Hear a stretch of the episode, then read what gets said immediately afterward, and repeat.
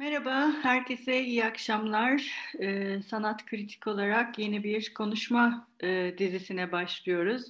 Edebiyat eleştirisi konuşmaları başlıklı bu e, konuşma dizimizde ben Seval Şahin ve e, hocamız Nedret Öztokat Kılıçeri ile birlikte e, tanıtım e, afişimize yazdığımız gibi zaman zaman birlikte, zaman zaman konuklarımızla edebiyat eleştirisi e, üzerine konuşacağız. E, ben e, Mimar Sinan Güzel Sanatlar Üniversitesi Türk Dili ve Edebiyatı bölümünde öğretim üyesiyim. Nedret Hoca İstanbul Üniversitesi Fransız Dili ve Edebiyatı'nda öğretim üyesi olarak e, çalışıyor. Bugün e, hocayla da nasıl başlayalım bu edebiyat eleştirisi konuşmalarına diye e, kendi aramızda konuşurken Bahti'nin e, hem ufuk açıcılığı hem de e, hem felsefeyi e, hem dil bilimini e, hem mitolojiyi zaman zaman e, ve tabii ki edebiyatı e, çok yönlü bir e, şekilde e, teorisinde e, kullanması ve bunların bir şekilde hep metinler arasılıkla bağlantılı e, olması sebebiyle Bahdin'le başlamanın iyi olacağını e, düşündük. E, evet, merhaba hocam, hoş geldiniz. Merhaba, hoş bulduk. Ben de fırsat oldu. E, epey okudum Bahdin'i. Biz bunları hep e, eleştiri kuramları dersinde Tahsin Yücel hocamızla e, incelemiştik. Sonra tabii master'da, doktorada üzerinde durduk. Mutlaka benim de yararlandığım bir e, edebiyat tarihçisidir. E, polifoniden kaçış yok tabii evet. edebiyatta. Ama ya böyle tekrar bayağı bir, bir daldım ben de. Oldu. Evet evet. Yani Türkiye'deki edebiyat eleştirisinde de etkili oldu. Bundan da bahsedeceğiz yani. Evet, biraz biyografiyle başlayacağız. Önce kimdir Bahdin? Evet. Ee, başlayalım. Yani Bakhtin işte 1895-1975 arasında yerleşen bir ömür sürüyor. Çok fazla aile kökenlerine falan gitmeyeceğim ama yoksul düş yani orta sınıf olmuş bir aristokrat aileden geldiği kaynaklarda var. Bizi ilgilendiren tarafı Odessa ve Petersburg üniversitelerinde filoloji okumuş olması ve ardından da hemen öğretmenliğe başlıyor. Dolayısıyla ara vermeden yani sanki hiç alandan kopmamış gibi e, bu edebiyat söylemi, edebiyat incelemelerinin e, içinde e, yani başını kaldırmadan neredeyse ölümüne kadar gidiyor. E, genç yaşlarından itibaren dolayısıyla e, çok yönlü bir filolog olarak karşımıza çıkıyor. Bir kere edebiyat tarihine çok hakim. Sonra e, edebiyat dili ve roman dili konusunda e, zihni hep bunlarla meşgul. E, yani dil, dil, edebiyat dili, roman dili derken bir özelliği daha var. Daha çok genç yaşlarda e, hep grup halinde, ekip halinde etrafında insanları toplaması e, çok dikkatimizi çekiyor. Hatta son e, 1983'te galiba Todorov'un bir kitabı yayınlanıyor. Bakhtin, Medvedev, Voloshinov e, serklinin yani çevresinin e, metinleri yayınlanıyor. Yani birlik beraber çalışması sanki o çok sesliliği, çok yönlülüğü de e, içeriyor gibi biraz sembolik olarak. E, ilk ders verdiği Nevel'de 1918-20 yıllarındayız. Edebiyatçı, müzikolog, felsefeci, piyanist ve edebiyatçılardan oluşan bu e, insanlar bunun etrafında. Bunların e, içinde öne çıkan tabii şair ve müzikolog Voloshinov. Ee, mesela bu daha çok erken yaşta, erken dönemde olmasına rağmen burada felsefe seminerlerini dinliyorlar. O dönemde Almanya'dan Kagan dönmüş ve Kant semineri veriyor bunlara. Aynı şekilde konferanslar yapıyorlar. E, din üzerine, Tanrı, sosyalizm üzerine hep tartışmalar, e, böyle bir, bir değiş tokuş ortamı var. Sonra 1921'de e, Bakhtin'i Vitebsk'te görüyoruz. Vitebsk, Vitebsk. E, ve orada yine aynı benzer bir şekilde grup var. E, değişmez öğeleri, kişileri e, Voloshinov ve e, felsefeci, edebiyat uzmanı Pumpianski. E, fakat bunlara yenileri de katılıyor. E, bir tanesi müzikolog Solertinski, bir tanesi de ressam Mark Chagall.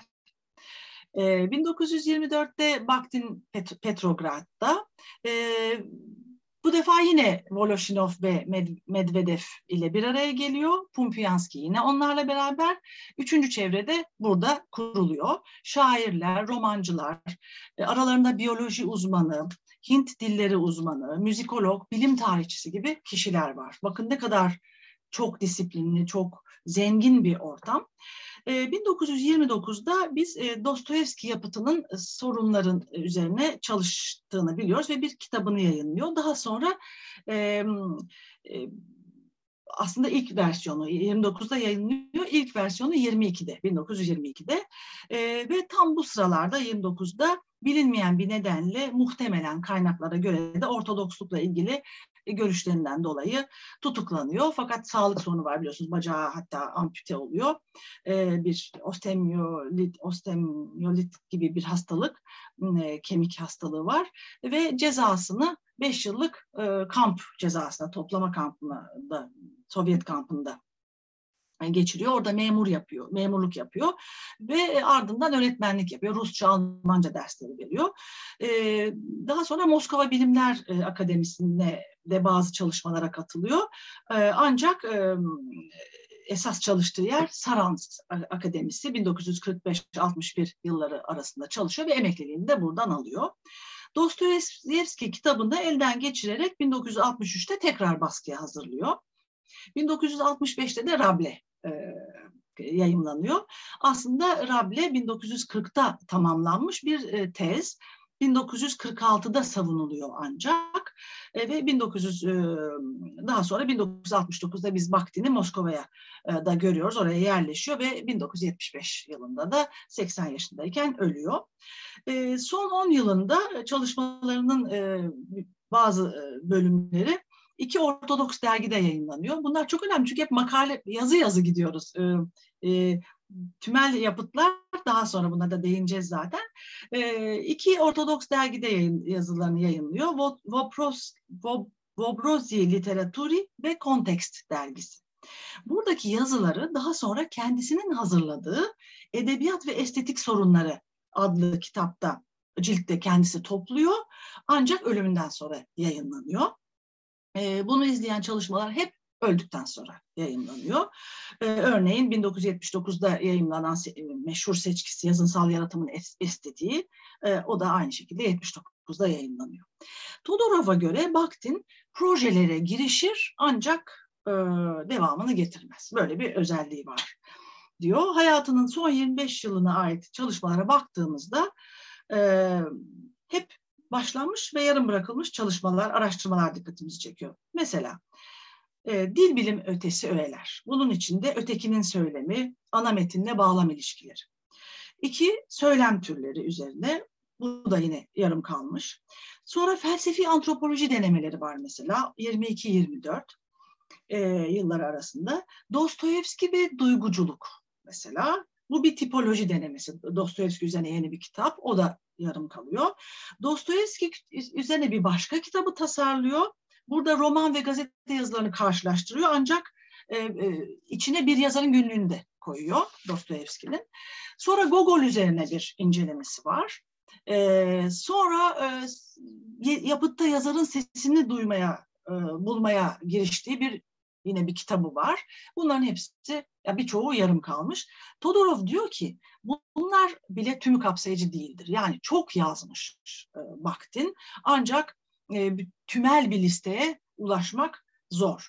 E, 1979'da Kozinov'un bir e, yayınladığı el yazmalarının dökümü var bu defa. Yani yayına hazırlanmamış ya da yayın, yayınlanmak üzere değil ama belki notları. E, zaten Türkçe'de de Metis'in e, sanıyorum söylem türlerinin arkasında notlar e, şeklinde okurların dikkatini çekmiştir. E, bir başka Rus semiotikçi Ivanov ise Voloshinov imzalı e, yayımlanan iki kitapla üç makalenin tamamıyla Bakhtin'e ait olduğunu söylüyor. Bir de böyle bir bulut var yaz, imza konusunda. Medvedev ve Voloshinov'la birlikte hazırladıkları makale ve kitaplarda ağırlık Bakhtin'indir diyor Ivanov. Mesela Marksizm ve Dil Felsefesi konulu kitap. Ölümünden sonra yayınlanan kitapların girişinde bu kitap bu kitabın asıl metni Bakhtin'e aittir diye not düşülüyor. Ee, mesela Sözce'nin yapısı, poetika ve dil bilimin sınırları gibi makalelerin girişinde e, Voloshinov imzasıyla yayımlanmıştır diye not düşülüyor. Ee, sonra bu ortak yazıların Todorov'un da belirttiği gibi aslında e, Medvedev slash e, Bakhtin diye yayınlanması doğru olacaktı diyor. E, Bakhtin'in bu yazıları baştan sona yazmamış olduğunu da söylüyor Ivanov bize. E, Medvedev, Medvedev ve Voloshinov'un biraz e, eklemeler, modifikasyonlar yaptığını kabul ediyor. E, Todorov da Rus biçimcileriyle hesaplaşırken daha çok Voloshinov'u öne çıkarıyordu diyor. E, mesela Rus biçimcilerini Voloshinov'un çok e, suçladığını biliyoruz. Acaba o Bakhtin miydi? Orada da soru işaretleri vardır diyor. Çünkü Rus biçimcileri Marksizmin düşmanıdır. Psikanaliz, dil bilim, yazım bilim e, gibi çalışmalar burjuva e, bilimleridir. Acaba polemik yazılarda böyle kendini geri çekip e, Voloshinov'u mu kullanıyordu sorusunu da e, Todorov dile getiriyor. Gerçekten birçok makale e, Bakhtin'e atfediliyor. E, Bakhtin'in çalışma şeyine yoğunluğuna baktığımız zaman 26 öncesi 26 yılından önce e, kuramsal nitelikli yazılar çıkıyor. 24 e, 1924 tarihinde mesela estetik etkinlikte yazar ve kişi ilişkisi. Bakın ne kadar erken yazar kişi ilişkisine giriyor. Sonra yazınsal yapıda içerik, malzeme ve biçim sorunu. Biçime dikkat edelim. Şimdi eleştiriyorlar Rus biçimcilerini ama orada da hassas bir e, ilişki var. E, bunları daha sonra biz Todorov'un e, çevirisiyle yayınlandığını Fransa'da okunduğunu biliyoruz. 1926-29 arasında ise yöntem bilimsel, metodolojik ve kritik, daha eleştirel çalışmalar ortaya çıkıyor ve sert bir Marksizm var artık orada. E, bunların çoğunda işte o Serklin, o mer şeyin, e, ekibin e, imzasıyla yayınlanıyor. E, orada Bakhtin'in e, adı biraz geride duruyor. Sosyolojik bir dönem bu, e, 26-29 arası. Araştırmacılar Voloshinov imzasıyla çıkan mesela Freudculuk yazısı, Freudizm diye bir yazısı var. Bazı araştırmacılar için tereddütsüz Bakhtin'e ait diyor, diyorlar. 1928'li 28 tarihli yazınsal araştırmalarda da biçimci yöntem e, ve sosyolojik poetika denemesi Medvedev imzasıyla yayınlanıyor ama orada da hep ara, aramak lazım Bakhtin'i. E, dolayısıyla e, Bakhtin e, gerçekten mesela Marksizm ve dil felsefesini sonra 1977'de Paris'te Minui yayınları yayınlarken Bakhtin'i öne koyuyor. Parantez içine Voloshinov'u koyuyor Fransız yayın evi. 1929 ve 35 yılları arasında artık sosyolojiden birazcık daha dile yöneldiğini ve e, sözce, söylem, diyalojizm e, üzerinde kuramsal e, yoğunlaştığını görüyoruz. Ve Dostoyevski'den e, romana, yazınsal söyleme giden bir dönemdir bu e, 29-35 arası. 1936-42 arasında edebiyat tarihinin yeniden yorumlanması e, ana şey olarak ortaya çıkıyor, eğilim olarak ve roman bağlamında Kronotop. Sonra Goethe'nin Bildungsromanı. Sonra e, yavaş yavaş Rable öne çıkmaya başlıyor. E, mümkün mümkün değil tabii. E, edebiyat tarihine gideceksiniz de Rable'lere ulaşmayacaksınız. Satir konulu e, bir ansiklopedi maddesi yazıyor fakat bu yayınlanmıyor. 1945-52 arasında da kayda geçmemiş birçok etkinliği var fakat e, yayınlanmıyor bunlar. E, Saransk Eğitim Enstitüsü'nde ders verdiğini biliyoruz. Fakat yerel basında birçok makalesi yayınlanıyor ve çok sayıda Saransklı işçiler hakkında konferanslar veriyor. Yani hiç boş durmuyor. Çok çok üretken bir insan. 1953 ve 75'te artık ölümüne doğru e, hastalığı da tabii ilerliyor. Eski çalışmalarını revize ettiğini biliyoruz ve artık daha büyük, daha derin metodolojik ve teorik konulara yöneliyor ve e, bu yıllarda e, yaz, yazdıkları Bakhtin düşüncesini en iyi e, özetleyen yazılar yani roman sorunsalı, e, dil sorunsalı romanda. E, dolayısıyla felsefi kuramsal çalışmalarla e, yazar odaklı işte üç büyük yapıtı var. Rable ve Dostoyevski'nin yanında aslında Göte'yi de koymak lazım ama işte o daha kısa kalıyor, az kalıyor. E, böylece e, odak tek odaklı yazarlar kadar makalelerinde de e, yaratım dili üzerine odaklanmış çok özel bir kişi var karşımızda. E, Todorov bize şunu öneriyor. Edebiyat felsefesi diye pardon edebiyat tarihi, felsefi antropoloji, translingüistik, dil bilim ötesi yöntem her şey var ama merkezde diyalojizmi unutmayalım diyor. Böyle bir e, evet, diyaloji... panorama çıkıyor. Evet, diyalojizm zaten e, Bahti'nin temel kavramlarından biri. Bu temel kavramlardan da bahsedeceğiz ama yani 1975'te ölmüş e, Bahti'nin Türkçedeki serüveni e, 2001 yılında başlıyor aslında. Karnavaldan Romana isimli bir seçkiyle böyle bir kitabı yok aslında Bahti'nin. E, bu sizin anlattığınızdan da e, gördüğümüz üzere. E, bu ilk tanışma e, ve e, bu ilk tanışmada aslında Sibel Irz'ın şahane bir ön sözü var. E, Türkçe okurlar için Bahti'ni hem tanıtan hem de Bahti'nin e, e, edebiyat eleştirisinin farklı yönlerini ve bunu beslenme kaynaklarını e, son derece iyi açan, çok e, en az Bahtin kadar belki kafa açıcı bir metniyle aslında tanışıyoruz evet. Türkçe'de. Türkçedeki serüveni için ne diyorsunuz peki? Mesela benim anladığım kadarıyla Fransa'da biraz daha bu iş yani planlı gitmiş. Ama Türkçe'de benzer bir planlılıktan bahsetmek mümkün mü? Bugün yani birçok eseri yayınlanmıştır e, Türkçe'de evet. diyebilir miyiz? Evet aslında çok çok şey yayınlanmış. Ben e, ben de öğrenciyken Karnaval'dan Romana'yı okumuştum. E, fakat e, sonra söylem türlerini aldım Metis'ten. E, iyi bir iyi bir perspektif, iyi bir yelpaze var aslında elimizde. Ama e, Şimdi Fransa'da yayınlanmasındaki şans en büyük şans tabii Kristeva'nın onu tanıtmış olması. O, o çevrelerde e, saygın yayın evleriyle çalışma durumunda olması bir de Todorov gibi bir çevirmenin olması. Şimdi Todorov anlatı biliminin, naratolojinin, kuru, yazın bilimin kurucularından çok önemli bir kuramcı o da.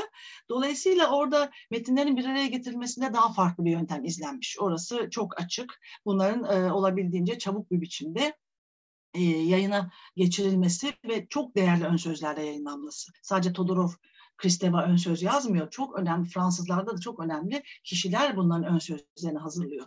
Bizde biraz e, dediğiniz gibi 2000'leri e, buluyor. Fakat ben içlerine baktım. Yani hangi senelerin e, makaleleri, yazıları yayınlanmış diye. Mesela Metis'in 2016 e, sayılı tarihli söylem türlerinde Novimir dergisiyle söyleşi var ki çok önemlidir o. 1970'te yapılmış mesela o söyleşi. Sonra e, Bildungsroman e, ve gerçekliğin önemi 1935 tarihli bir çalışması. Arkasından gelen söylem türleri meselesi 1952-54.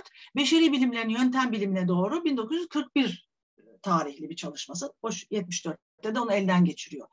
Gördüğünüz gibi birazcık daha heterojen şeyler e, tarihi olarak baktığımız zaman e, sanki ayrı ayrı gibi duruyor.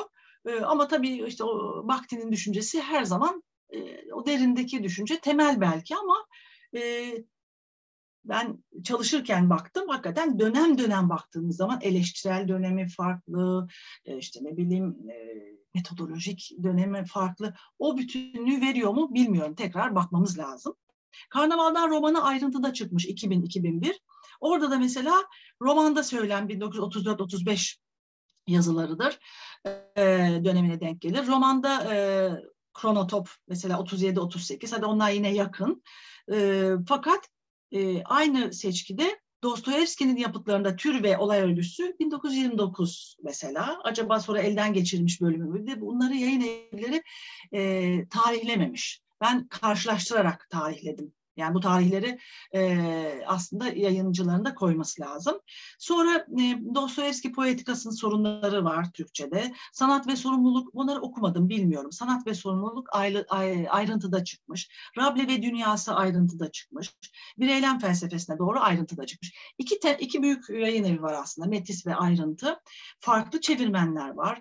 E, bu tabii çevirmenlerin ve yayın evlerinin farklı olması da bazen mesele diye geçen şeyin bazen sorun olması ya da anlam bilimsel diye her semantiğin mesela anlam bilimsel diye çevrilmemesi gerektiğini, orada anlamsal sorunlar anlamında da kullanıldığını bilmek gibi birazcık çeviride de teknik sıkıntıları çıkarmıyor değil ama e, bunlar alanda çalışanlar için belki bir şey ifade eder. Ama e, Dostoyev, şey, Dostoyevski de ne yaptı, Rable de ne yaptı e, demek için e, bence güzel e, güzel bir çalışma evet. var. Bence de çeviriler, ben de iyi çeviriler olduğunu evet. düşünüyorum. Ciddi yani, bir kere çok ciddi, çok ciddi bir çalışma. İyi, e, iyi çeviriler.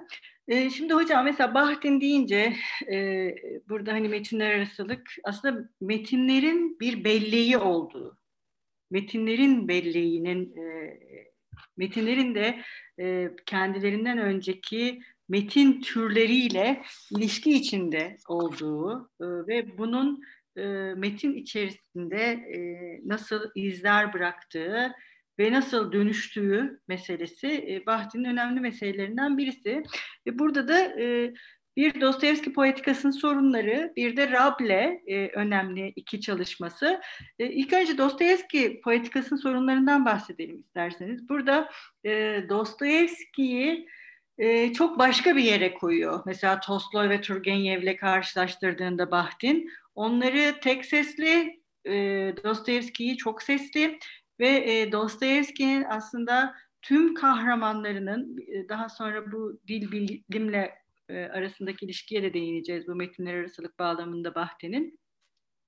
Tüm kahramanlarının e, kendi seslerinin ayrıştırıldığı ve yazarın bunlara müdahale etmediği böyle bir çok seslilik olduğu ve e, Bahti'nin e, yine bu kitapta söylediği bu çalışmasında Dostoyevski'nin özellikle iki eski e, türü Sokrates diyaloğu ve Menimpeya yergilerini e, eserinde e, dönüştürdüğünü, bu ikisinin e, dönüştüğünü, bundan izler taşıdığını e, ve aslında o belleğin e, Dostoyevski'nin eserindeki çok sesliliği yaratan temel unsurlardan birisi olduğunu söylüyor bize.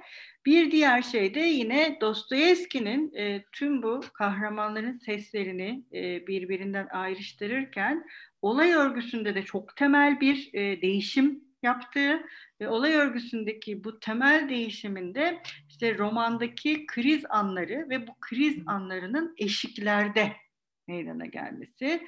E, sonra bunu da e, işte zaman ve mekanı e, birleştirip hatta zamanı tamam, tamamen mekansallaştırıp kronotop kavramını e, yaratacak. E, yani bu Dostoyevski ile başlayalım sonra Rable'ye devam edelim. E, isterseniz ben kısacık bir özet yaptım ama.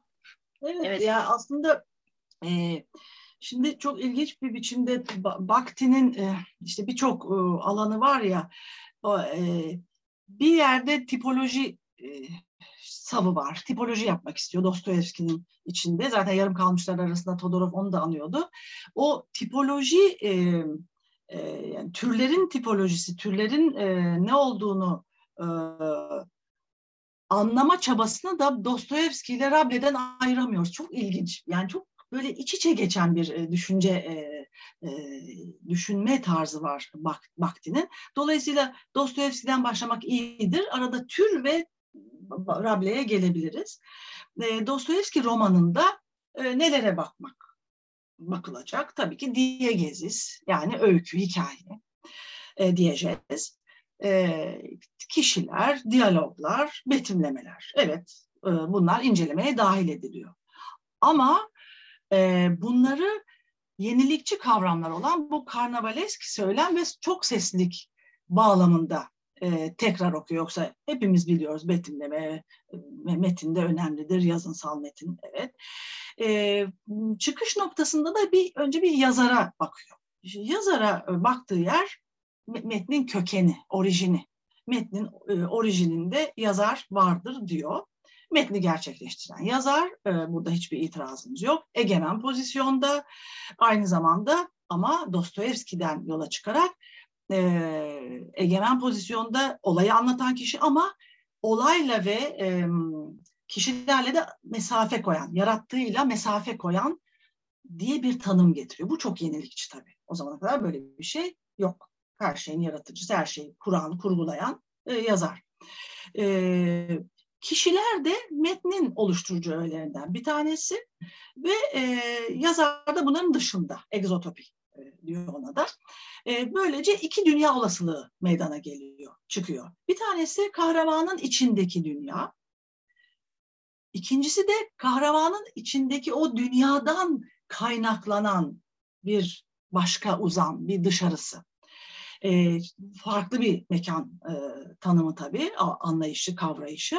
Yani benim için bir uzam var, ben kahraman ya da kişi olarak. Bir de öteki için bir uzam var. İşte bu ben ve öteki, başkası işte bizi yavaş yavaş e, şeye hazırlıyor çok sesliliğe.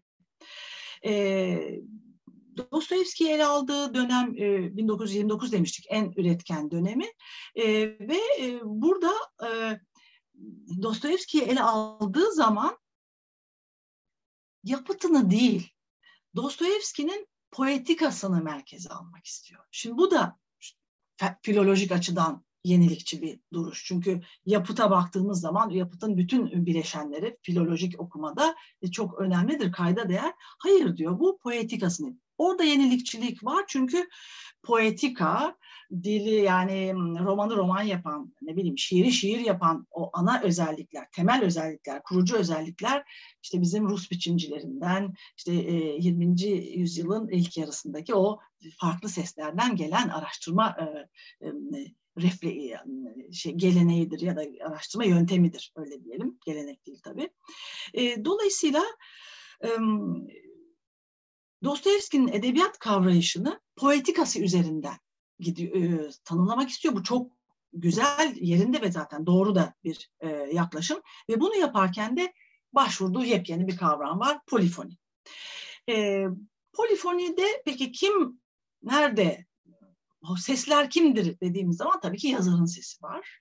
Yanında da e, kahramanın sesi var. Ama yazar kahraman kahraman yazarın eşi, ruh şeysi, ikizi ya da sözcüsü değildir. Bakın burada da yine e, klasik e, şeyden ayrılıyor. E, kahramanın bir dünya görüşü vardır Dostoyevski'de ve yazarla da eşit eşit bir konumdadır e, kişi. E, Dostoyevski romandaki kahramanı böyle bir karakter, bir mizaç, bir tip, nesnel bir personaj olarak kurmuyor. Kahramanın kendisiyle ve dünya ile ilgili sözünü kuruyor metinde. Yani metnin içinde bir söz, bir söylem, bir söz edimi e, yaratıyor yaratıcı.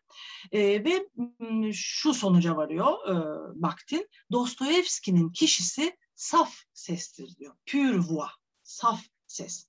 Tabii bunlar hepsi tartışılacak kavramlar, tartışılabilir. Yani bunlar nesnel, objektif, böyle kağıttan varlıklar falan değil, e, kendi varlığı söyleminde e, hissedilen, e, söyleminde var olan e, bir e, kişidir. Biz e, Dostoyevski kişisini görmeyiz, duyarız. İşte polifoninin e, yavaş yavaş içine de girmeye başlıyoruz. Yazar ve kahraman arasında dolayısıyla eskiden beri kurulmuş olan e, anlayışı sarsan bir formüldür bu. E, yazar kahramanın sözünü tasarlıyor. E, orada bir sıkıntı yok ama yazar kurduğu dünyada kahramanıyla birlikte söz alıyor. E, yazarın sesinin yanında ikinci ses olarak e, kişi var. E, sesler çoğalıyor. E, yazar o söylemi kuruyor ama kendi mantığını, kendi iç bağımsızlığını da e, kişisine veriyor. Tıpkı başkasının sözünü aktarır gibi. Burada edebiyattaki şeyi düşünmeliyiz sanki rahat yani daha rahat kavramak için e, bu aktarılan söylem nasıl biz başkasının söylemini aktarıyoruz şöyle demişti gibi edebiyatta da çok sık kullanıyoruz. Bunlar zaten polifoninin en belirgin özellikleri. Bakhtin için e, Dostoyevski romanı e, bildiğimiz roman geleneğinden bir kopuştur e, ve devrimcidir. E, bu da tabii çağın yine şey tınlamalarını yankısını duyuyoruz tabii. Polifonik roman aslında baştan başa bir diyalogtur. Diyalojizmdir.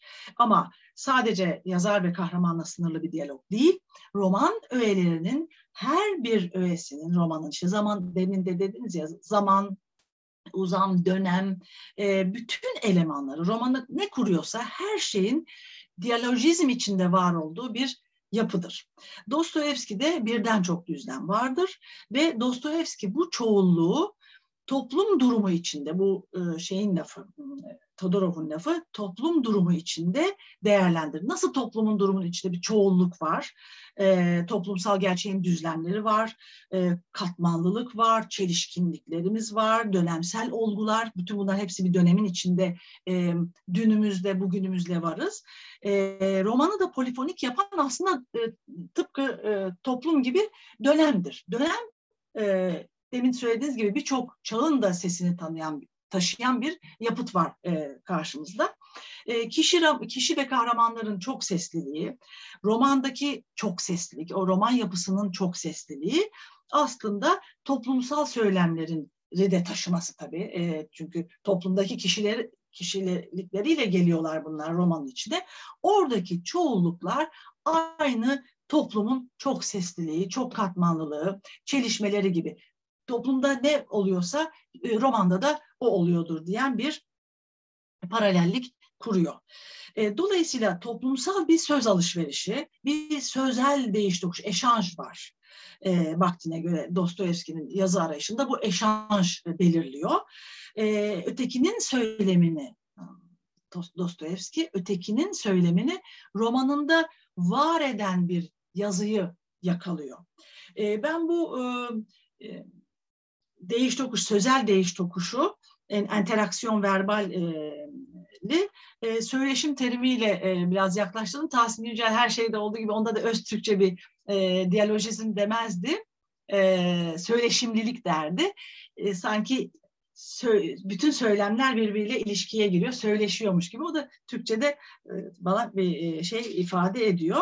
Ve o zaman bu çoğul söylemler, bu çoğul, ya toplumdaki bu çeşitlilik, bu katmanlılık, e, çok sınıflılık her neyse onları bir kavramla o zaman karşılayalım diyor. Burada artık edebiyat tarihçisi kimliği giriyor.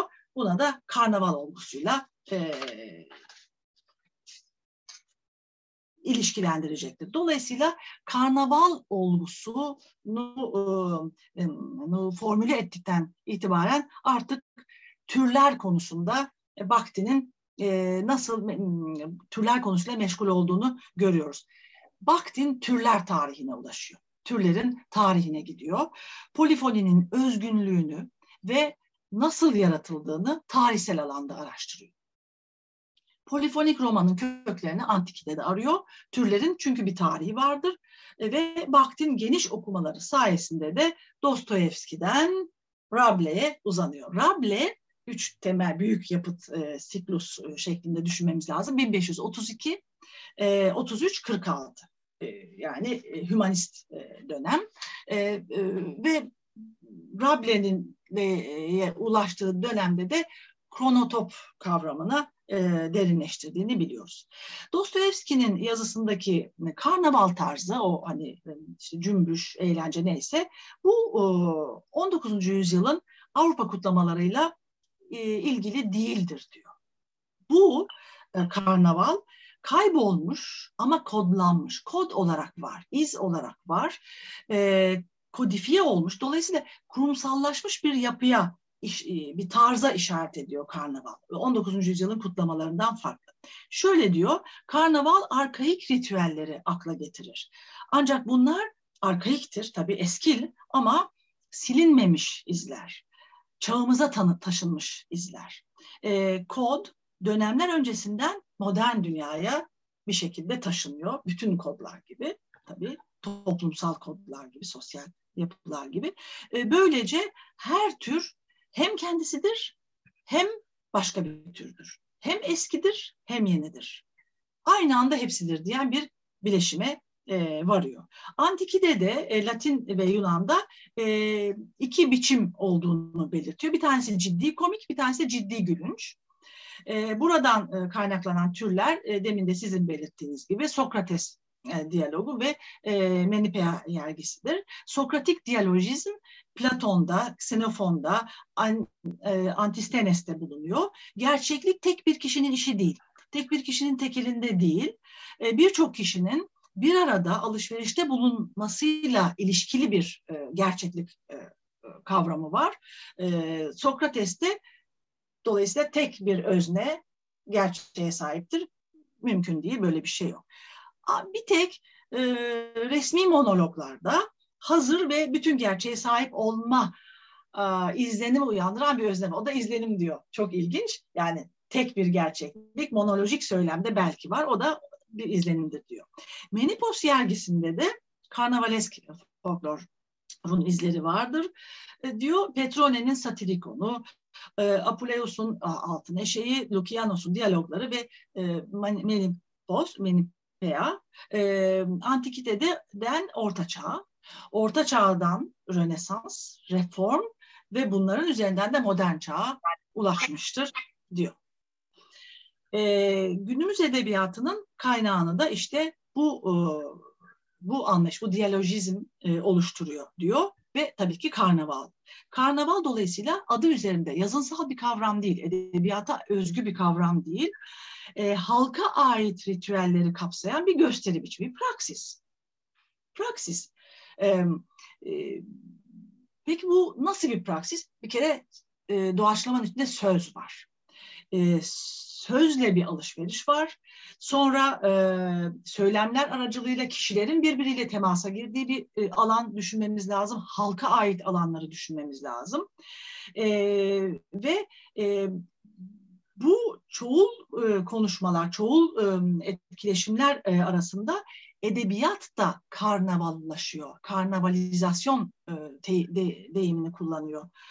E, dediğim gibi çağlar e, için içinden karnaval nedir dediğimiz zaman da sınırların silindiği, oyuncuyla seyircinin yer değiştirebildiği, hayata ait e, sahnelerdir. Sansürsüz, denetimsiz, özgürleşen söylemlerin sözün alanıdır. Ciddi olanla dalga geçilen, parodisi yapılan e, anlamlı bir yapıdır aynı zamanda tabii e, ölen dirilir, dirilen ölü, öl, öldü zannedilen geri gelir, inkar edilen kabul edilir, e, mutlakın olmadığı bir alandır. E, ve dünya görüşüne, böyle bir dünya görüşü içinde de e, gülme edimi var. Zaten hani orta çağdan hümanizmaya geçtiğimiz zamanlarda e, biliyorsunuz gül, gülmen, gülen insanı e, göstermişti yeni yapıtlar, yeni anlayış. Bu romanesk evreni vaktin dil bilim ötesi diye e, bir yaklaşımla ele alıyor. Çünkü sözcük dediğimiz şey sadece dilsel kodun içinde değil, e, aynı zamanda başka kodlarla var olan enterrelasyonel ilişkiler ilişkiler arası e, varlığı olan bir şeydir. Dolayısıyla doğrudan ve dolaysız söz dediğimiz şey temsil edilen söylemle e, aynı yerde olabilir. E, Burada şöyle bir ayrıma gidiyor. E, temsil edilen söz kahramana aittir, kişiye aittir. E, stilize edilen söz de e, stilize olmuş söz de yazara aittir diye. E, zaten ikisini de aynı yerde e, görmek istiyordu. E, burada roman ne yapıyor? Pratik yaşamın söylemini yani pratik yaşamda başkalarının e, ne ait e, söylemleri, sözcükleri e, roman e, ortamına e, yaşıyor taşıyor. E, dolayısıyla kişilerin konuştuğu sözler, kişilerin e, kullandığı sözler daha önceki kişide seslerle doludur. E, ötekilerin öteki e, sözleri taşır söz, benim kullandığım söz. E, burada benim çok hoşuma giden bir şey var, yankılanması, yankı kelimesini e, yakaladım Todorov'da.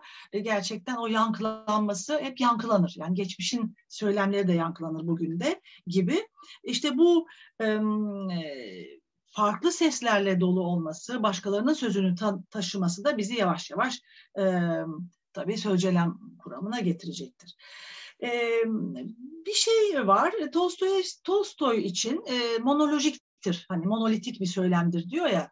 Bizdeki eldeki metinlerde bu var. Fakat e, yayınlanmamış metinlerinde e, bir nokta bir zaman geliyor ki orada e, Tolstoy'da da e, diyalojizm vardır diyor. Yani çok kesin e, çizgilerle de e, düşünmemek lazım vaktinin düşüncesini. Evet, zaten evet. benim de hep o Tolstoy meselesi e, nasıl evet. Tolstoy biyoloji yok, e, savaş ve barışı mesela özellikle düşündüğümde hep e, aklımı kurcalayan bir şeydi. evet yok sonra diyor yani orada bir diyalojizmi vardır diyor. E, dolayısıyla roman dili çoğul bir dil. E, artık biz tamamıyla bakın modern e, bir anlatı türüyle karşı karşıyayız. O anlamda hakikaten çok yenilikçi, çok devrimci bir şey. Bir arada var olan söylemlerden oluşan bir yapısı var. Ama bu bir arada var olan söylemler kadar çağları, akımları, toplumsal çelişkileri, her türlü katmanlaşmayı içeren bir yapısı var romanın. E, kısaca çok dilli, roman dediğimiz şey çok dilli bir yapı, heterojen bir yapı ve e, orkestra şefi gibi yazar da e, bu karmaşık kompleks e, malzemeyi, o amorf bütünü e, bir tema seçerek, bir konu seçerek o doğrultuda orkestra şefi gibi yönetiyor diyor. E, çok katmanlı bir yapısı olan dil böylece yazarın e, işte yetkinliğinde, ediminde, etki, etki, etki, etki aktivitesinde e, bir e, şeye e, yaratıma dönüşüyor diyor. E, hoş bir metafor. E, orkestra şefi ama bilimsellik açısından da e, tabii e, şey e, birazcık e, uğraştırır insanı. Dolayısıyla e, yepyeni bir anlayışla karşı karşıyayız. Burada Cervantes ve Rabelaise'e gidiyor. Artık yavaş yavaş Rabelaise'e doğru gidiyoruz ve romanda çok dilliliği örnekledikleri için bu iki örneği veriyor. Mesela Don Quixote yapıtı polemik bir satirdir, e, yergidir. E, Sancho Panza'nın halk dili ve efendisinin kullandığı dil aynı e, ortamda bir araya karşı karşıya bir araya gelmektedir. E, çoğul seslere dikkat çekiyor. Çağa ait çoğul ses derken ideolojik ses de var. E, bunlar da bir e, toplumsal, sosyo-diskursif sözünü kullanırsa hem söylemsel hem toplumsal yönü olan söylemler. Bunları e, roman bir araya getiriyor. E, Don Quixote yazarının döneminin dilleri, Don Quixote diyor, yazarın döneminin dilleri arasında da bir diyalogdur diyor. E, roman olayları, epizotları, e, şimdi zamana e, yavaş yavaş geldik. E, roman olayları, e, roman dediğimiz şey olayların, epizodların, anekdotların arka arkaya gelmesi. Dolayısıyla ister istemez bir zaman e, çizgisini sunan bir e, çerçevede bize aktarılıyor. E, dolayısıyla roman aynı zamanda hem bir zaman hem de bir mekan bileşenini e, kapsıyor. Bilmediğimiz bir şey değil bu. E, yazının içinde, yazı ediminin içinde ya da kurulmuş yazının içinde ilerleyen e, zaman bir mekan uzama yerleşmek zorundadır diyor Bakhtin. E, kronotop dediğimiz şey bir yazınsal, edebi yapıtın gerçeklikle ilişkisinin sanatsal birliğini, ünitesini e, belirliyor diyor. Sanat ve edebiyat değişik derecelerde kronotopik öğeler, değerler içerir diyor. Her motif, her öğe bir sanat yapıtını öne çıkarır, bir değer üstlenir diyor. E, aslında biliyoruz kronotop kavramı Einstein'ın görelilik kuramından gelen bir e, fiziksel, fizikten gelen bir e, kavramdır. Fakat bunu Bakhtin imge olarak kullanıyor. Şöyle, yapıtın içinde birbirinden ayrılmaz biçimde bulunan zamana ait imgeler artı uzamsal imgeler. Zamanla uzamı iç içe bir arada e, tutuyor. Çünkü yaratıcılık, yaratıcılıktan gelen o anlam oralarda üreyecek. Şatolar ee, değil mi hocam? Mesela evet. şatolar. Şatolar evet çok e, böyle tipik kronotoplar yani Bahtingen. Evet anlamda. inanılmaz güzel bir incelemesi var. Onu arkadaşlara, meslektaşlarıma da öneriyorum. Ben de dönüp tekrar okuyacağım. Ee, Karnaval'dan Romana'nın 320 ve 334. sayfadaki uzam e, e, betimleri ve saptamaları çok çok şey yetkin yetkin bir görüşü gösteriyor. Bir ana biraz Auerbach'ı da düşündürmedi değil. Neyse ona girmeyeceğim şimdi. Dolayısıyla imge e, sözcüğünü kullanması da bir abstraksiyon aslında. Yani imge tamam bir şey imgesi ama e, dediğim gibi yöntem bilimsel olarak yani yaklaşım olarak çok parlak ama yöntem bilimsel olarak kullanıcıyı e, analiz yapanı biraz e, zorla, zorlar gibi geliyor. Rabelaise'nin polifonisini e, ise 470 sayfada inceliyor. Çok büyük bir yapıt. E, o zaten Türkçe'ye o da çevrilmiş. Aslında Batı edebiyatı üzerine çok geniş bir incelemedir. E, burada özgürleştirici gülme kavramı ortaya çıkıyor. Rable hiyerarşik, sembolik bir dünya görüşünü kırmak istiyor yapıtıyla. E, tabii düşünelim Rönesans sonrası hümanizma döneminin seküler, insan merkezli dünya görüşünü burada aklımızda tutalım yedekte. E, Rable'de beklenmedik imgeler, e, şaşırtıcı dilsel bağıntılar, tuhaflıklar, aykırılıklar baştan başa yapıtı donatır. İnsan bedeni çok bariz bir şekilde vardır. İşte e, Orta Çağ'dan sonra bedenin dönüşü der bazı edebiyat araştırmacıları. Giysiler, yiyecek, içecek, cinsellik, ölüm, dışkılama çok dışkılama üzerine hatta geçenlerde çok bayağı e, bir Fransız bir profesörün e, konuşması vardı geçenlerde dinledim. Müthiş e, vokabüler bir söz sözcük terimler kullanıyor. Yapıt çok çok çok zengin. E, aslında burada e, Rable'de her şey birbiriyle buluşuyor. Hayata ait ne varsa bir arada e, bir birleşiyor, ayrışıyor, her şey bir arada. Rable dilse, dil, dilsel bir anıt inşa etmiştir diyor Bakhtin.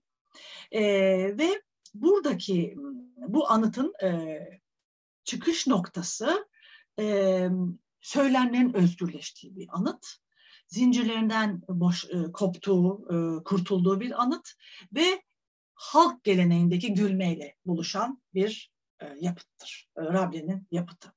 Burada e, gülmenin gücünü öne çıkarıyor. Kilisenin yasakladığı bütün pratikleri, gösterileri gülünçleştirerek, parodisini yaparak sergileyen bayramlara artık dikkat çekiyor. Şölenler, eğlenceler, parodi kavramları iyice karşımıza çıkıyor ve gülmenin Rable aslında gülmenin doruk noktasıdır diyor Bakhtin. Halk kültüründen gelen yine kodlanmış ama özgür, sakınımsız, maskesiz, hafif müstehcenliğe de varan e, bir söylemler bütünüdür diyor. Bedenin grotesk imgesi, Rabia okuyanlar Gargantua'yı şöyle bir gözlerinin önüne getirebilirler. O devasa e, çocuk e, kişi grotesk imgesini aslında fiziksel e, maddi varlığın olduğu haliyle gösterilmesini de yenilikçi olarak buluyor. O da bir büyük bir e, yine e, o dönem için e, tabii orta çağdan çıktık. E, yeni bir ifadedir. Bunun da halk kutlamalarında yer alan bir şeydir. Halka ait e, bir grotesk realizm yani halka ait olanı gösteren grotesk bir realizm e, vardır der. Bu kendi kullandığı teknik bir tanımlama ve bunu da Rabel'in evrenini grotesk realist bir yapıt olarak görür. Artık burada sembolik yoktur der. Sembollere gitmeyelim der. E, Bakhtin. Ama ben bir not düşmek istiyorum. E, Rable'de sembolik bir anlam var aslında ama başka bir perspektiften baktığımız zaman e, örneğin oburluk. E, Orta Çağ'da kilisenin baskısıyla hani elinden bilgisi, efendim şu metinleri okuyacaksınız denilen, sınırlanan bir e, kişiler, özneler var. E, kilise ne derse onu okuyorlar. Kilise neye izin verirse onu okuyorlar.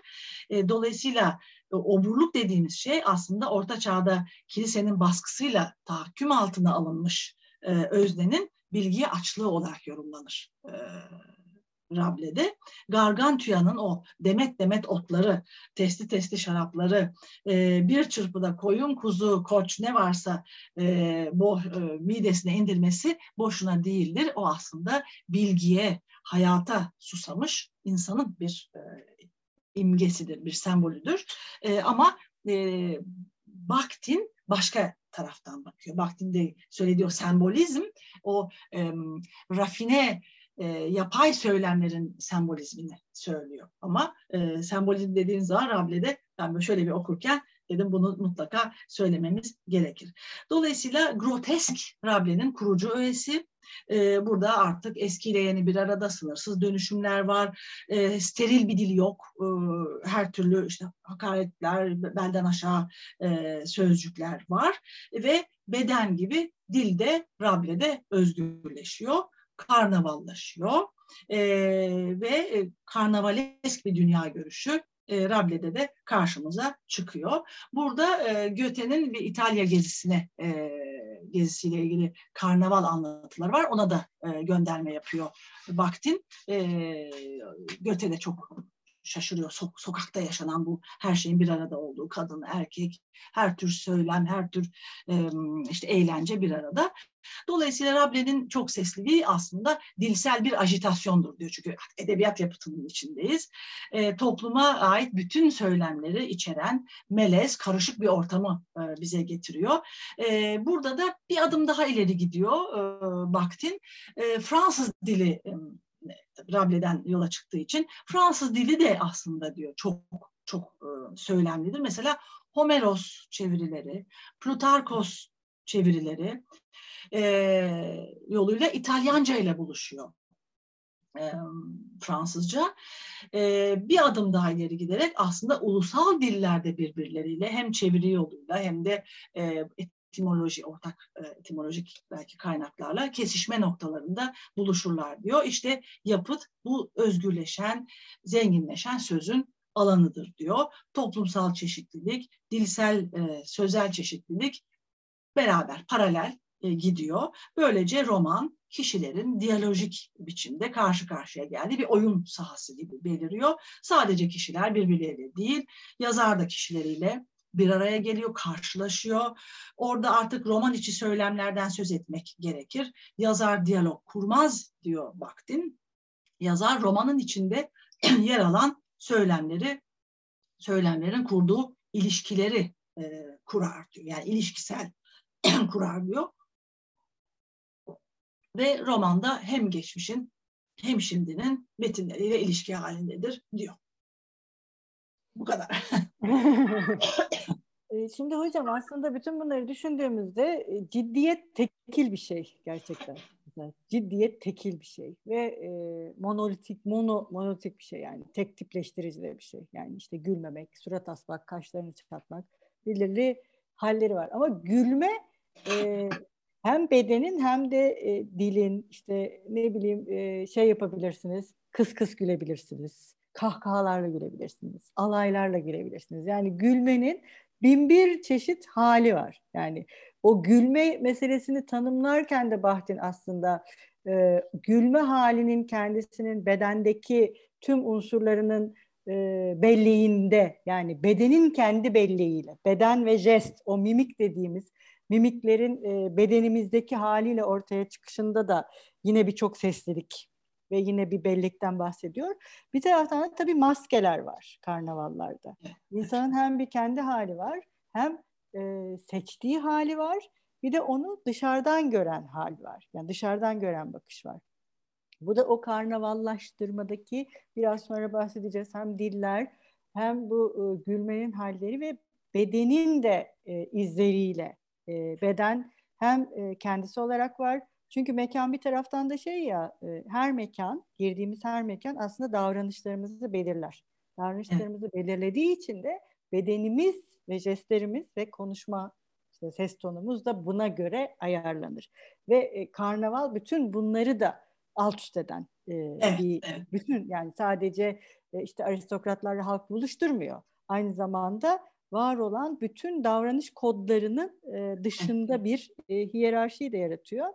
Şimdi de şey düşündüm, e, yankı dediğiniz gibi çok bu Todorov'un söylediği şey, yankı da hem izi hem de yeniliği içinde barındıran bir şey. Çünkü çarpıyor, geri döndüğünde yeni olarak geri dönüyor. Ama oraya çarparak geri dönüyor. Tam da hani e, müzikal bir şey. E, yine bu çok katmanlılık meselesi, yani biliyorsunuz e, hem modernistlerin hem postmodernistlerin sevdiği bir e, teorisyen, evet. Tahdin.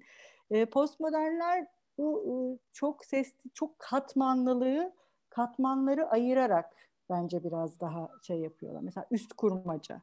Bir hı hı. sesi alıyor, ötekinin üstüne bindirmek yerine, karşılaştırmak yerine oradan çekip çıkarıyor.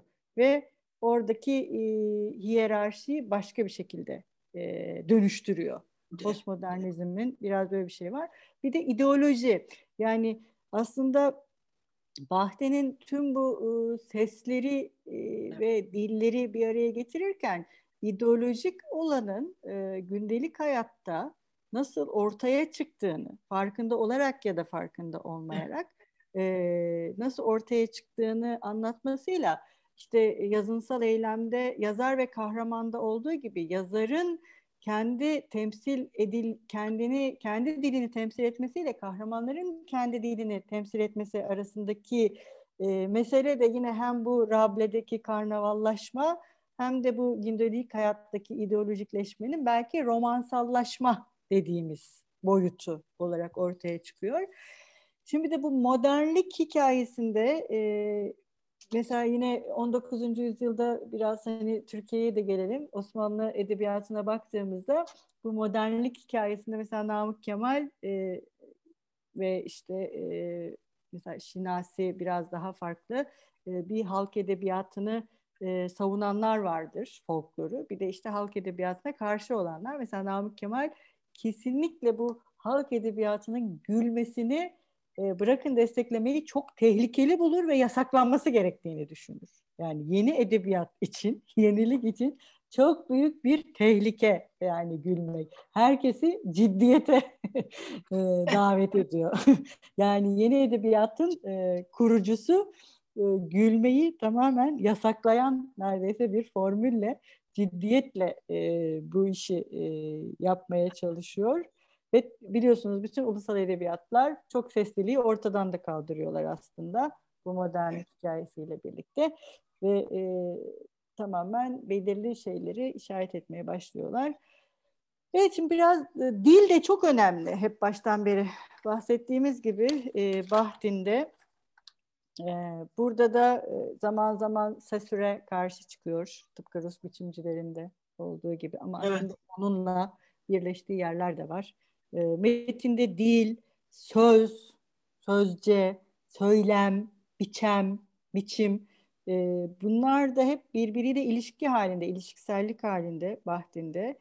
E, bu metindeki dil meselesi nasıl sizce? Neden bu kadar mesele haline getiriyor?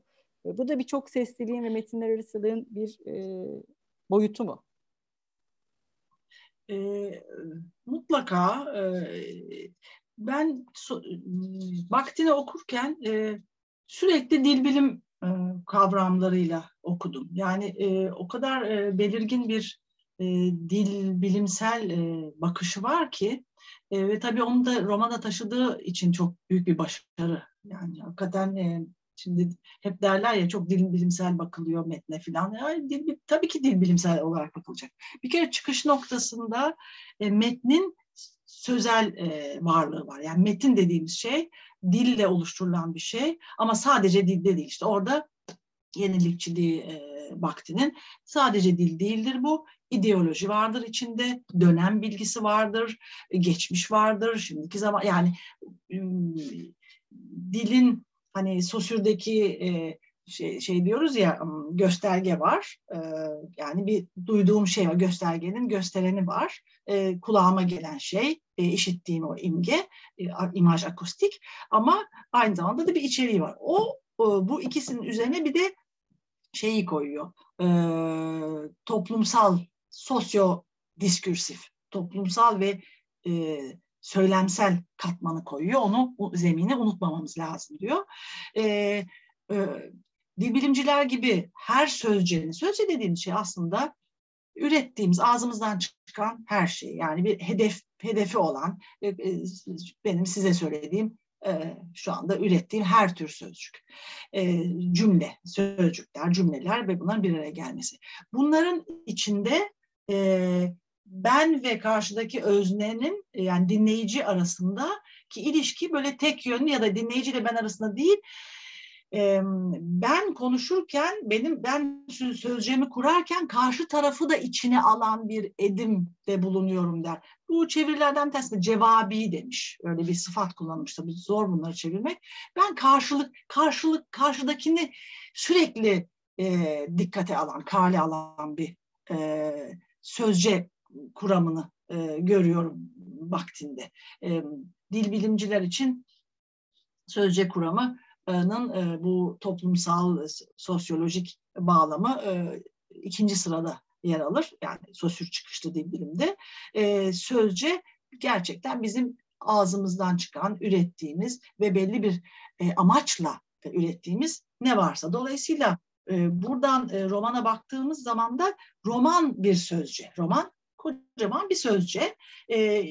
dilin olanaklarından yararlanıyor ama farklı olarak e, dilsel öğelerin mutlaka ve mutlaka toplumsal, ideolojik ve aksiyolojik yani bizim toplumumuzda ne ifade ediyor? Değer bil, değer bilgisi olması lazım.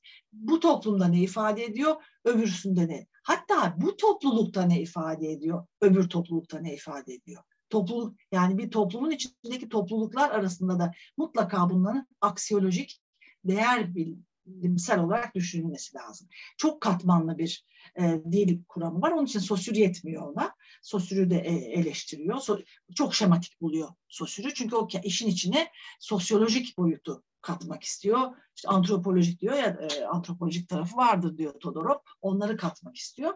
E, sözce. Sözceyi her meydana getiren de aslında sözcelem öznesidir. Yani yazar, e, e, metni oluşturan e, özne neyse onların yaptıkları eylem e, sözcelemdir. Dolayısıyla sözcelem e, yazarı yazar hmm, mecrasını sözcelem açısından incelemekte aslında yeni o dönem için yeni bir şey. Nitekim sonradan Dükro dil bilimde mesela Dükro e, sözcelem dil bilimini geliştirirken Bakhtin'i e, zikreder. E, onun çok e, çok sözlü, çok e, sesliliğini. Sonra Gerard Jonet mesela edebiyatta değil mi bu palimpseste yani evet bir enonsiyasyon boyutu var. Yazınsal enonsiyasyon, yazı, yazınsal sözcelem mesela Dominik Mengel'in çok üzerinde durduğu bir şeydir. Yani e, sözce sözcelem ikilisi e, ne bu kadar çok kafayı takmış olması ve edebiyat bağlamında bunun çok önemli e, yankı, yankıları olduğunu savunması işte bu sosyolojik e, dilin sosyolojik e, boyutunu e, sürekli devrede tutmasından geliyor. O da dönem için çok yenilikçi, çok yeni modern bir yaklaşım. O dönem için düşünün yani. 30'lar, 40'lar. Böyle. Çok çok, çok e, hakikaten e, ufuk açan bir e, bir bilimci ama e, Todorov'un dediği gibi o başlayıp yarım bırakması hani Todorov dikkatimizi çekmişti ona. Aynı şekilde e, Tahsin Yücel'in de e, bir saptaması vardır. E, evrensel bir model sunmuyor diyor. E, eleştiri kuramları vardır. İş Bankası yayınlarında çıkmış Tahsin Yücel'in. Orada vaktine güzel yer ayırır. Hem eleştirel bakar hem artılarını e, çok güzel dile getirmiştir. O bunları e, öğrencilerimiz de okuyabilir. Öneririm yani. Orada da e, bazı kavramların e, biraz havada kaldığı, bazı mesela e, Rus biçimcilerine yakın duruyor ama eleştirme ihtiyacı da duyuyor. Rus biçimcilerinden aldığı olumlu e, işte ne bileyim kavramları, bakışı asla e, hani reddetmediği de e, yani her alandan beslenmeyi bilen bir kişi olduğunu söyler ancak hani tümel hani bunu Rable'ye yaptık. E, Rable işte başka bir romancıya uygulayacağımız bir model e, sunuyor mu? Orada soru işaretleri vardır der. E, benzer bir şeyi Todorov da bu yararlandım işte prensip diyalojik, bir diyalojik e, prensip konulu çalışmada e, on, e, Todorov da benzer bir şey söylüyor. E, çok çekici. Onun için e, bu çekiciliğinin ve yani ufuk açıcılığının içinde biz e, Bakhtin'in ideolojisini anlamaya çalışmalıyız diyor. Yani Bakhtin hani e, bir, bir yola giriyor orada işte deniyor mesela tipolojiyi çok yapmak istiyor ama tipoloji çıkmıyor sonra ortaya bir söylemler tipolojisi çıkmıyor edebi söylem için. E, onların içinde bu yarım kalmışlıklara değil de Bakhtin'in ideolojisini okursak diyor e, hem edebiyata hem Bakhtin'in getirdiği e, eleştiri edebiyat incelemesi yöntemine daha e, ön yargısız yaklaşırız diyor. Yoksa kendi içinde e, mesela çok tekrarlama yaptığını söylüyor Todorov. Kendi içinde zayıflıkları olan bir e, geniş bir kuramsal bir O kadar geniş ki zayıflığı olmamasına imkan yok ya da bazı yerlerde soru işaretleri uyandırmamasına imkan yok. E, Todorov da mesela so, soru soru sordurur bazen diyor insan yani şimdi, şimdi bu muydu diye ama gerçekten çok ciddi bir e, edebiyat ideolojisinde e, ortaya koymuştur yani. Çok evet yaşadığı dönemi de dolu dolu yani dolu dolu bir şey evet dolu dolu evet. bir e, kuramcı edebiyat tarihçisi edebiyat evet, Türkiye'de de, Türkiye'de çok ilgi gördü hala da görüyor yani Bahtı. Evet evet. Çok bayağı bir incelemeye de şey oldu mevzu bahis oldu.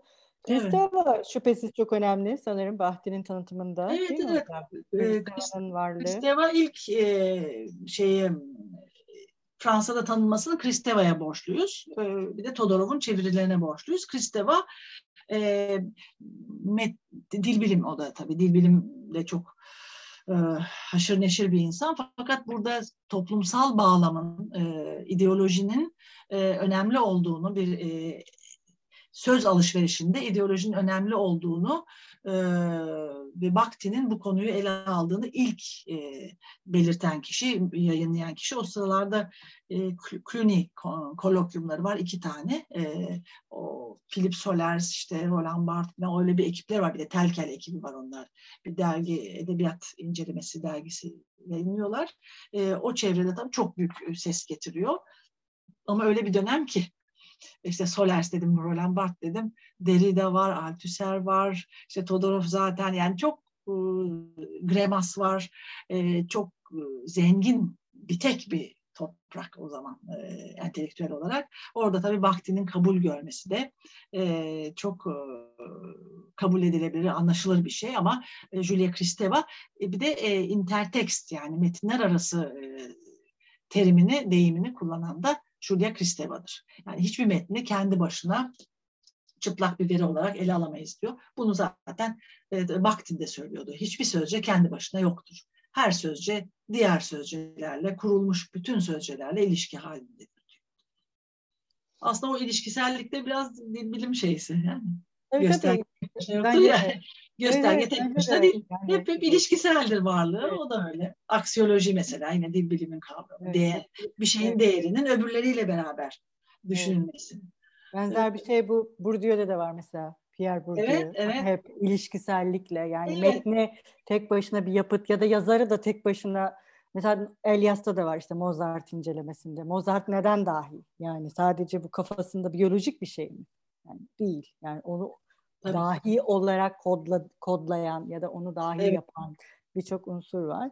E, bu ilişkisellik ve biyolojizm e, meselesi de yani hem edebiyat eleştirisinde e, hem de sosyolojik eleştiride diyelim oldukça kullanılan bir şey.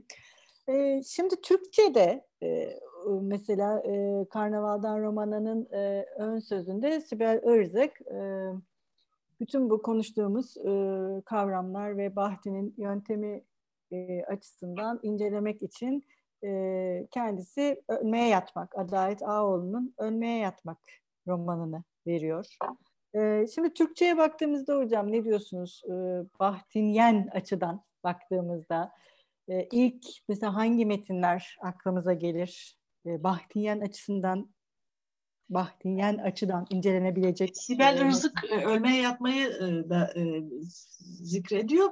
Ben Yaşar Kemal'i çok Bahtiyen. Yani Yaşar Kemal'in birkaç çalışmasına baktım mesela nar nar Höyük'teki nar ağacı. Mesela orada o kadar e, var olan sesleri roman kişisi o kadar e, üstlenir, o kadar açıktır ki e, tabii e, Yaşar Kemal bunları hiç farkında olmadan yazdı. Onun roman dili öyle bir dil. E, dönemleri kucaklayan, toprağı kucaklayan o e, işte o sözcelem ediminin gerçekleştiği yeri, işte o Çukurova mı, neresi, orayı, coğrafyayı kucaklayan bir e, roman anlayışı var. Orada mesela ben e, aşıkların e, söylemini, e, söyleme, deme biçimlerini duyuyorum ve çok güzel bir e, e, şeydir Yaşar Kemal'in o e, Höyük'teki nar ağacındaki e, üç, dört, dört kişidirler galiba Höyük'teki nar ağacına giderler. O yolda bir tanesi şey saz çalar aşık gibidir ama inanılmaz güzel bir dille de anlatır onu. Eğildi, büküldü ve şimdi Metin yok yanımda.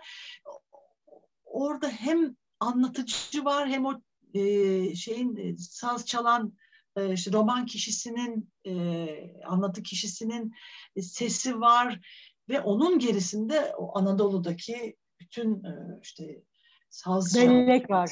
Yani inanılmaz bir metin. Evet, Mesela evet. Yaşar Kemal'de ben çok hissediyorum onu.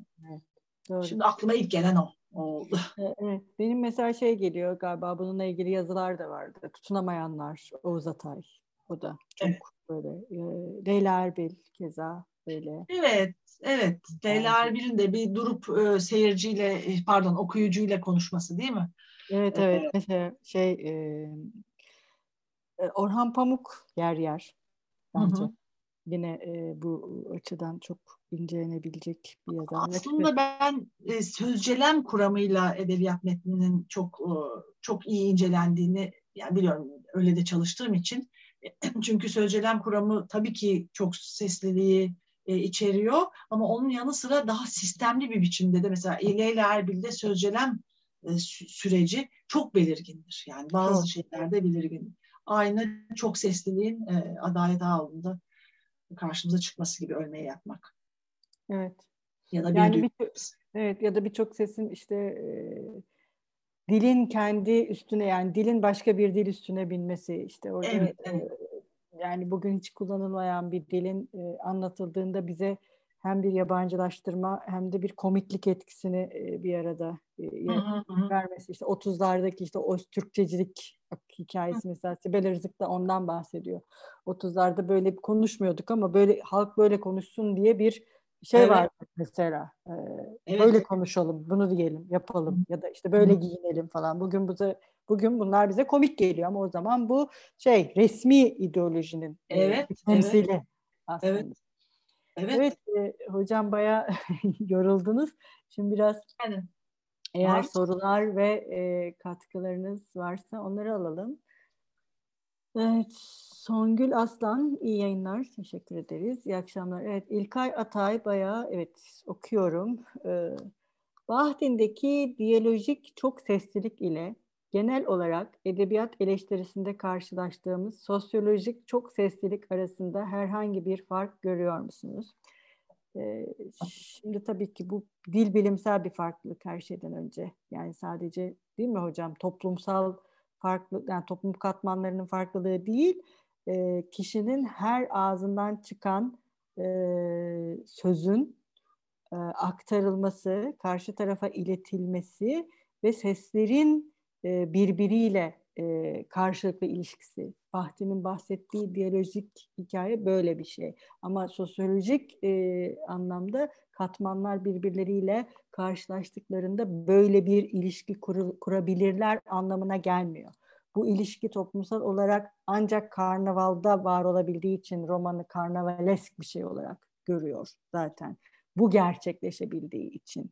E, arada böyle bir fark var. Bilmiyorum siz bir şey eklemek ister misiniz? Doğru tabii. Herhalde İlkay e, sosyolingüistik an, açısından sormuş olabilir. Çünkü dil bilimi de bilen bir arkadaşımızdır. E, yani e, tabii ki yani sosyolingüistik sosyolingüistik açısından baktığımız zaman e, bunlar e, toplumun içinde hepsi bir arada var ama e, Seval Hocam'ın da söylediği gibi bir bir bütünün içinde bunların e, karnavalesk bir tür hani kar, türe karnavalesk e, nitelemesini getirdi ya orada belki biraz zorlamayla olabilir yani İlkay. Ben öyle düşünüyorum. Şimdi devam ediyor e, İlkay Hanım. Bey. Aa, pardon çok özür dilerim. Çok çok affedersiniz. Çok özür dilerim İlkay Bey. E, kronotop kavramı sizce yalnızca uzam tasviriyle mi ilgilidir? Yoksa felsefi bir arka planı söz konusu mu bu kavramın demiş. Vallahi işte e, fizikten e, aldığını biliyorum. E, biliyoruz Einstein'dan. Yani gidilirse oraya da gidilebilir yani yani felsefi yorumuna bence gidilebilir. Niye olmasın? Niye olmasın? Yani zaten neredeyse mekanın kendisi bir bellek haline dönüştüğü için vaktinde e, bu e, bir felsefi varlık meselesinin kendisini işin içine sokuyor. Yani varlık bir mekandaki varlığımız e, bizim e, sadece bir boşluktan ibaret değildir. Biz bir boşluğu doldurmayız mekanda var olarak. E, biz o mekandaki bütün izlerle, ondan önceki yaşanmışlıkla ve kendimiz de o yaşanmışlığın içindeki e, orada olma haliyle bulunuruz. Bu doğrudan aslında varlığın kendisinin mekan ve zamanla kurduğu ilişkiyi de beraberinde getirdiği için şüphesiz felsefi bir arka planı var. Ee, ve e, aslında bunun biraz ideolojik bir tarafı da var. Daha ilerleyen bir şeyde düşündüğümüzde. Nitekim siz de sonrasında şeyi sormuşsunuz. Bahti'nin Alman idealizmi ve neokantiyen felsefeyle nasıl bir ilişkisi vardı? Şimdi bu yüceleştirme meselesi yok Bahtin'de. Aksine grotesk, tam da bütün bunlarla alay eden, bütün bunu yok eden bir şey. E, ya ben onu anlıyorum en azından. Yanlış anlıyorsam bilmiyorum hocam siz ne dersiniz? Ben bence de e, yani tabii yani Kant'la ilişkisinde biliyoruz yani şeylerde e, kaynaklarda var zaten e, ama yani tekrar bakılabilir bunlara İlkay. Yani, yani birkaç kaynak var bak bakılabilir tabii. Evet ama şimdi biraz hani bu Alman idealizmi bir yüceleştirmeden biraz evet. yüceleştirme ve bireye çok daha e, şey e, atıf yapıyor ya sanki Bahtin'de birey birey de çoğul bir şey yani daha çoğul e, ve e, çok sesli bir şeye dönüşüyormuş gibi geliyor bana. E, Bahtin roman estetiği ve teorisi başlıklı eserinde mitik Adem'den bu yana hiç kimse bir nesneyi ilk kez tanımlayan değildir demiştir. Bahtin'in teorisi bağlamında bu sözden ne anlamalıyız? Evet yani bir, yani demin de söyledik ya tek bir özne, tek tek bir sözce yok. Her sözce e, diğer sözceleri barındırıyor, diğer e, düşünce alanı, diğer düşünceleri barındırıyor. Böyle hep bir iç içe geçmişlik var. O iç içe geçmişlik içinde de vaktinin böyle bir şey söylemesi son derece anlaşılır. Çok evet. çok anlaşılır. evet yine İlkay Bey. E, Zimma, umarım doğru telaffuz ediyorumdur. Bahtin'deki Buffon'un sesinin Nietzsche'deki Dionizyak kavramıyla ilişkili olduğunu dile getiriyor. Bu görüşe katılıyor musunuz? e, bilmiyorum. Yani bilmediğim bir şey içinde fazla e, bir şey söyleyemem. E, İlkay. Evet. Sanki olabilir gibi değil mi hocam? O karnavalı düşünürsek. Olabilir tabii. Karnavalı düşünürsek. Yine İlkay Bey, ulusal edebiyatların çok sesliliği ortadan kaldırdığını dile getirdiniz. Aynı şeyi postmodern dönemin kimlik siyasetleri içinde söyleyemez miyiz? Nitekim Bahtin Sovyet Marksizminin Ortodoks tek sesliliğine karşıysa da Batı liberalizminin tek sesliliğine de karşı. Evet şüphesiz yani hem liberalizme hem de e, Sovyet Marksizmine karşı olduğu için zaten bu Ortodoks'a karşı olduğu için ortaya çıkışı da çok geç aslında bir taraftan düşündüğümüzde. Ee, evet aynı şey postmodern dönemin kimlik siyaseti içinde geçerli. Benzer bir şey edebiyat eleştirisi içinde geçerli. Şimdi e, bu Bahdiyyen anlamdaki oyun meselesi işte bütün karnavalın bir oyun mekanına dönüşmesiyle e, postmodern edebiyatın e, oyun e, oyun meselesi aynı değil. Yani bütün bu e, karnavalesk gülme aslında aynı zamanda e, trajik bir şey. Yani bir, trajik bir şey de içinde e, barındırıyor. Tam da o hafızayı da hani o beden niye o kadar büyük? Yani Rable'nin bedeni neden o kadar büyük? Grotesk çünkü e, şey hem kendinden önceki sözlü kültürün varlığını taşıyor hem de tam aslında onu o şekilde var eden kültürün doğuşuyla birlikte ortaya çıkan modernistliği de modernliği de e, yansıtıyor. Ama postmodernlik için bunların hepsi postmodern edebiyat için düşündüğümüzde hepsi sadece bir e, alay ya da komiklik nesnesi. Oysa bu komik bir şey değil tek başına. İşte bir hocanın da söylediği gibi. Onun arkasında işte ya da sizin de biraz önce söylediğiniz gibi felsefi bir e, arka planda var. Evet Medine Hanım ve merhaba, bu son derece nitelikli ve besleyici edebi sohbet için öncelikle Nedret Hocama ve size çok teşekkür ederim. Biz teşekkür ederiz. Teşekkür ederiz. Türk Edebiyatı açısından baktığımızda aslında Nasrettin Hoca fıkralarını ve geleneğini tüm bu kavramların öncüsü olarak değerlendirebilir miyiz? Bahti'nin şiiri tek sesli kabul etmesine karşın Türk halk şiirini özellikle de Yunus Emre'nin yazınsal anlamda öncülüğünü yaptığı tasavvufi şiiri bu çok sesliliğin bir yerine koyabilir miyiz? Şimdi ben bunu üstüme alıyorum. Türk, Türk Edebiyatı sorulduğu için hocam kusura bakmayın. Yani sizin söyleyeceğiniz bir şey var. Rica ederim, rica ederim. Ben sadece e, Kubilay Aksulum'un böyle bir çalışması olduğunu biliyorum. E, folklor ve e, çok seslilik diye e, denk geldi. Ona da çok sevindim Medine hocamızın böyle bir şey sormasına. Kubilay Hoca'yı da dinleyeceğiz bu evet. dizide. Orada çok daha net konuşacağız inşallah. Çok hoş bir konu çünkü. Evet, Haziran'da konuğumuz olacak. O da Türkiye'de metinler arasılık üzerine en çok yani çalışmış kişilerden biri. Şimdi Baht'in şiiri bir epik bütünlük olarak kabul ediyor biliyorsunuz. Bahtiyel anlamda şiirin tek sesli olmasının sebebi epiğin çok e, sesliliğe karşı olan bir yapıyı içinde barındırması. Şimdi ne Yunus Emre ne tasavvuf da aslında bu çok sesliliği bahtiyel anlamda baktığımızda e, zaten başlı başına tasavvufi şiir kurallara tabi olduğu için e, belirli e, kavramların belirli göndermeleri olduğunu e, en baştan kabul ettiği için yani en baştan zaten verili bir sistemi kabul ettiği için çünkü epik de öyle e, Bahtin'e göre o yüzden şiiri çok sesli bulmuyor verili olduğu için o özgürleşme ortamı mümkün değil. O yüzden Bahtiyen anlamda maalesef Yunus Emre'yi ve e, Songül Hanım sonradan Karacaoğlan demiş. Karacaoğlan'ı da e, çok sesli kabul edemiyoruz. Ama Bahtiyen anlamda. Diğer yöntemsel tartışmalar için bunu başka bir şekilde getirebilir. Ama dediğim gibi e, şiiri yani epik bunu bir bütünlük, epiği bir bütünlük ve e, verili kabul etmesinden dolayı böyle. Sabahattin Buğra Aktan. Hocam sorular çok uzun. Uzun. böyle şey olunca. evet, e, söyleşimcilikten ve karnavallaşmadan söz ederken toplum bireylerinin birbirleriyle benzeşip ayrıştıklarından, birbirleriyle etkileşim içinde olduklarından konuştuk. Burada birbirlerine öykünen çeşitli renkler söz konusu.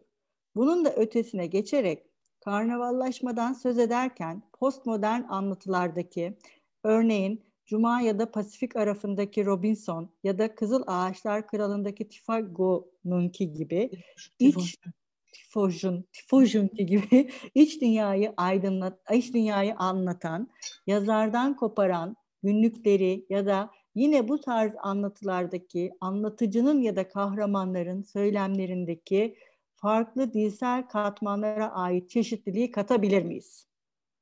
Tabii. Yani neyse Evet, yani hoca da aynı şeye katılıyor zaten. Sonradan Sabahattin Bey de bunun söyleşimci, farklı e, farklı dilsel ifadelerin, renklerin kullanılması söz konusu. O halde belki de söyleşimcilik ya da karnavallaşma bağlamında değerlendirilebilir bunlar diye. Evet. evet ben e, güzel bir yani bu soru e, vesilesiyle tekrar e, yine Tahsin Bey'i anacağım. Tahsin Yücel o İş Bankası'ndaki e, İş Bankası'ndan çıkmış e, eleştiri kuramlarında e, evrensel bir modele gitmiyor derken işte bu sıkıntıyı farklı, e, farklı ifadelerin, renklerin kullanılması söz konusu. O dile getiriyordu. Yani e, biz e, Bakhtin bir e, yaklaşım e, ortaya koyuyor.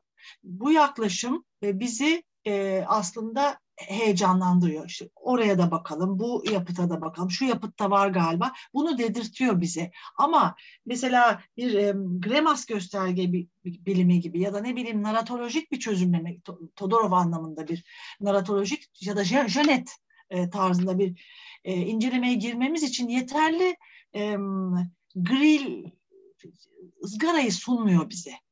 E, onun için e, bu tür e, sorular e, gerçekten çok değerli.